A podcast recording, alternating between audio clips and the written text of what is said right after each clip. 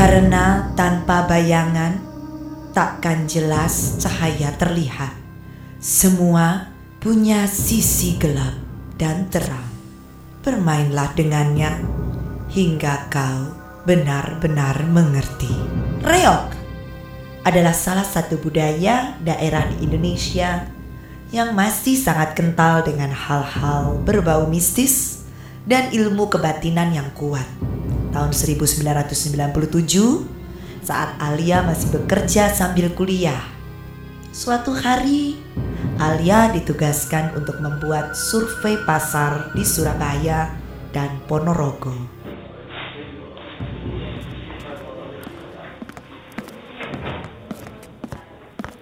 Eh Al, daripada tim kita berangkat ke sana naik pesawat, mending kita naik mobil gua aja. Lebih hemat dan nyantai berangkatnya. Iya deh, atur aja Mas Gun. Sip, bilangin Jenny ya kalau kita berangkatnya naik mobil.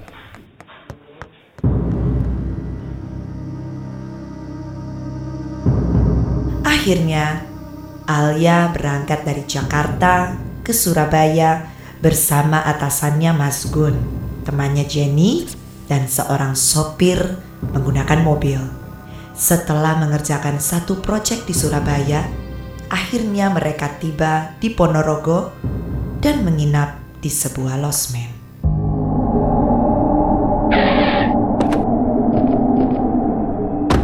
Waduh, horor amat nih losmen.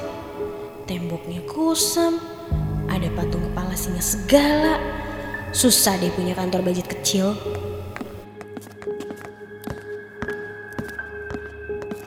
Gun, nih losmen kayaknya nyeremin deh. Ah, lu mah emang penakut aja.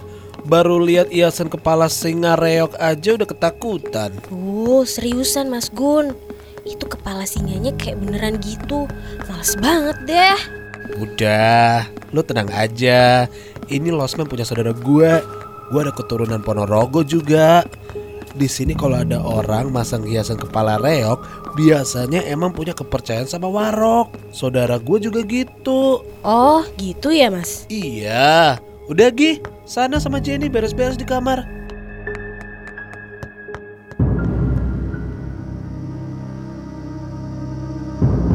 Penjelasan Mas Gun masih menyisakan tanda tanya untuk Alia.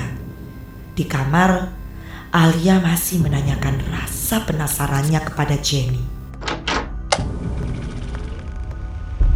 Eh Jen, lo ngerasa nggak suasananya losmen ini aneh ya? Hawanya kayak gimana gitu? Ah, biasa aja kok. Lunya aja yang dasar penakut. eh Al, gue mandi duluan ya. Sial, gue malah dibilang penakut. Ah, mungkin cuma perasaan gue aja kali ya. Gak biasa lihat pajangan kepala reok. Beberapa menit kemudian, Udah nih Al, lu mau langsung mandi juga nggak? Iya deh, udah lengket banget nih badan gue dari tadi di mobil. Jen, kok abis lo mandi airnya nggak ngalir lagi sih? Masa sih? Tadi gue lancar-lancar aja kok. Ya, mandi pakai air sisa di bak dong gue. Ya udah sih, yang penting masih mandi pakai air ini.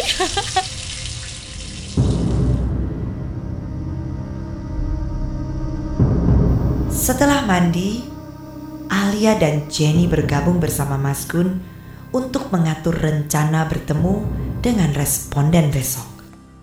Oke, sore ini berarti kita prepare nyari beberapa restoran deket sini yang punya ruang VIP. Jadi kita tetap on schedule 3 hari ketemu sama semua responden. Deal ya? Yuk, kita berangkat. Udah sore banget nih. Ayo Jen, Al, kita tunggu di mobil ya. Oke bentar ya, tungguin gue, gue beres-beres bentar nih. Eh, apaan tuh? Kok ada orang pakai baju warok sambil bawa pecut? Sore-sore kayak gini mau pentas reok di mana coba? Hah? Maghrib gini kok ada reok? Jangan-jangan... Al, ayo Al buruan. Ih, iya iya iya, udah siap kok ini.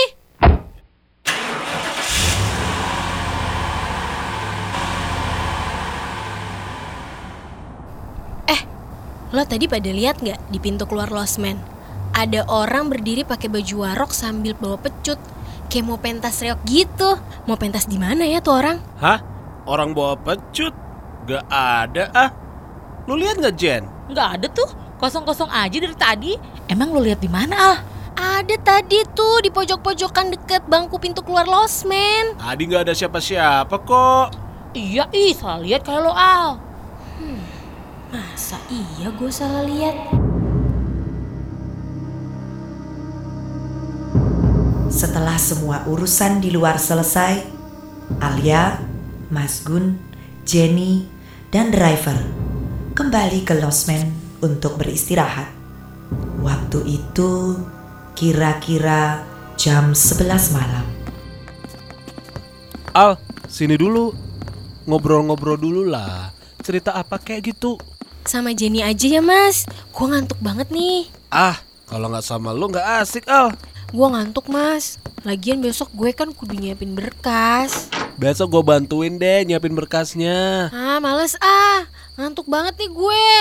Deh. Kenapa Al si anak bos? Tahu tuh ngajakin ngobrol jam segini. Gila aja loh. Emang gila dia. Elah, siapa sih? Nggak tahu orang mau tidur apa? Eh lu berdua temenin gue ngobrol ya. Kita ini besok sibuk. Sekarang tuh capek, mau istirahat tahu. Ayolah, kan besok gue bantuin juga. Mas Gun, bye. Beberapa menit kemudian, ketika Alia dan Jenny sudah tertidur, Ah, gila nih Mas Gun, huh? Udah Al, jangan dibukain, biarin aja.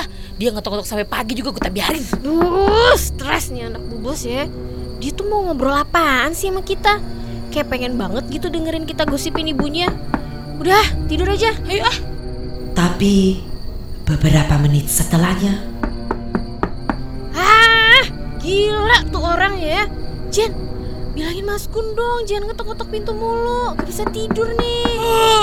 Aduh, ini anak bos satu aja. Untung gak tiga, cuman atuh bikin repot. Belagu banget sih jadi orang, baru juga jadi anak bos. Uh. Mas Gun, denger ya, kita tuh ngantuk. Loh, kok gak ada orang? Al, Al, gak ada orang loh di luar. Ah, palingan habis ngetok dia ngumpet di kamarnya. Kamarnya dia kan cuma beda dua kamar dari sini. Wow, bener-bener gak punya otak nih orang ya. Woi, Mas Gun, lu mau ketok pintu pakai linggis juga kita bodo amat. Kita mau tidur. Hei! Eh, Jen, lu dengar suara orang main gamelan gak? Enggak tuh. Itu dengerin deh. Masa lu gak denger sih? Uh, udah deh Al, lu jangan ikutan gila deh kayak Mas Gun. Tidur lagi yuk, besok kita pagi-pagi. setelah kejadian itu, Alia dan Jenny kembali tidur sampai akhirnya Alia bermimpi melihat seseorang masuk ke kamarnya. Orang itu adalah orang yang tadi sore dilihat Alia sebelum keluar losmen.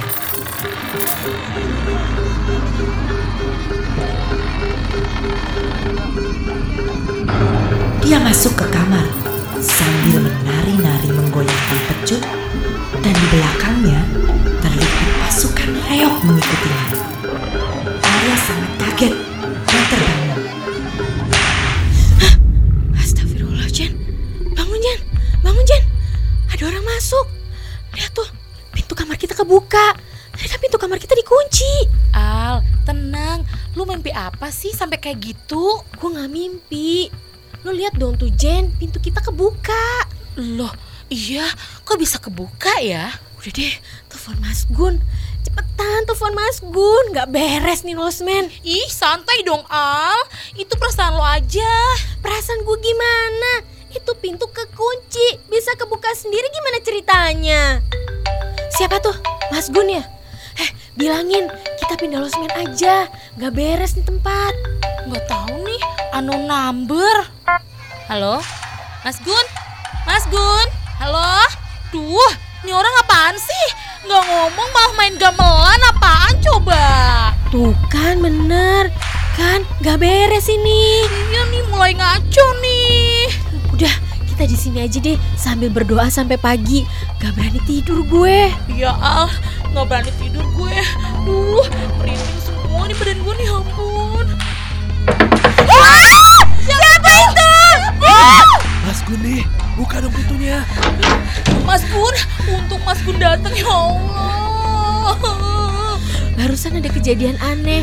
Ada telepon masuk tapi nggak tahu siapa. Diajak ngobrol, malahan kedengarannya musik gamelan reok. Nyeremin banget nih mas di sini. Iya nih, tadi pas lagi tidur kayaknya ada orang yang ngelus-ngelus rambut gua. Pas gua bangun, gua lihat tadi ada warok bawa pecutan sambil ngeliatin gua dari atas tempat tidur. Dan pas gua bangun, posisi gua tuh udah nggak di atas kasur, tapi di bawah tempat tidur. Tuh kan bener kan, gak beres nih losmen. Iya nih, duh ayo ayo ayo pindah yuk. Seneng banget nih gue, aduh. Iya iya iya, sebentar kita berempat sekamar aja dulu ya, sambil nunggu azan subuh, biar nggak ada yang aneh-aneh lagi. Iya iya iya iya. Iya iya yuk, di sini aja semua rame-rame ya. Takut gua. Gimana, Mas Budi nggak apa-apa kan? Kita bergadangan di sini sambil nunggu azan subuh. Iya Mas Gun, saya juga takut. Dari tadi di kamar emang udah ngerasa nggak enak sih. Soalnya pas Mas Gun tidur, saya mendadak nyium bau kemenyan di kamar. Oke oke oke. Bentar ya, gua telepon nyokap dulu. Halo ma. Iya, kondisinya nggak memungkinkan di sini soalnya banyak kejadian aneh. Tadi Duh, banyak serem banget deh. kita bilang. Ya Al, sorry ya. Dari tadi gua nggak percaya sama lo. Oke, nanti tolong kabarin Om Arif ya ma. Makasih ma. Assalamualaikum.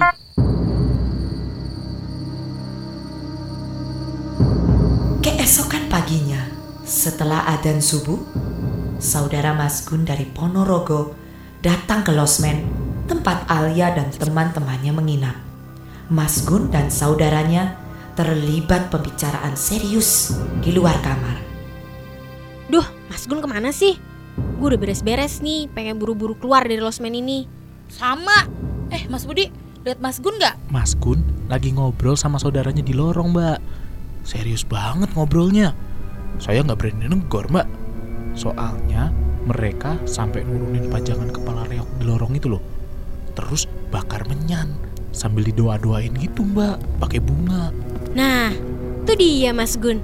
Dari mana sih, Mas? Udah beres. Insya Allah gak ada gangguan lagi. Kita sekarang udah bisa keluar dari sini secara baik-baik. Emang ada apaan sih Mas sebenarnya? Kok sampai pakai tabur bunga sama bakar menyan segala? Jadi gini, gua kan keturunan dari keluarga Warok. Nah, menurut om gue yang tadi, di sini tuh ada arwah Warok yang belum tenang. Nah, karena gue juga keturunan Warok juga, makanya kita tuh kayak saling koneksi gitu. Mereka mau titip pesan sama yang masih ada di alam ini, kalau di alam sana mereka belum tenang. Kemungkinan gitu sih. Jadi, tadi gue sama om gue, ya ibaratnya kulunungan gitulah. Permisi, sekalian mendoakan mereka supaya arwahnya tenang di alam sana. Mereka nggak bakalan ganggu lagi kok. Beneran nih Mas, gak bakal ganggu lagi. Mereka gak bakal ngikutin kita ke tempat nginep yang lain kan? Harusnya sih enggak. Mudah-mudahan ya.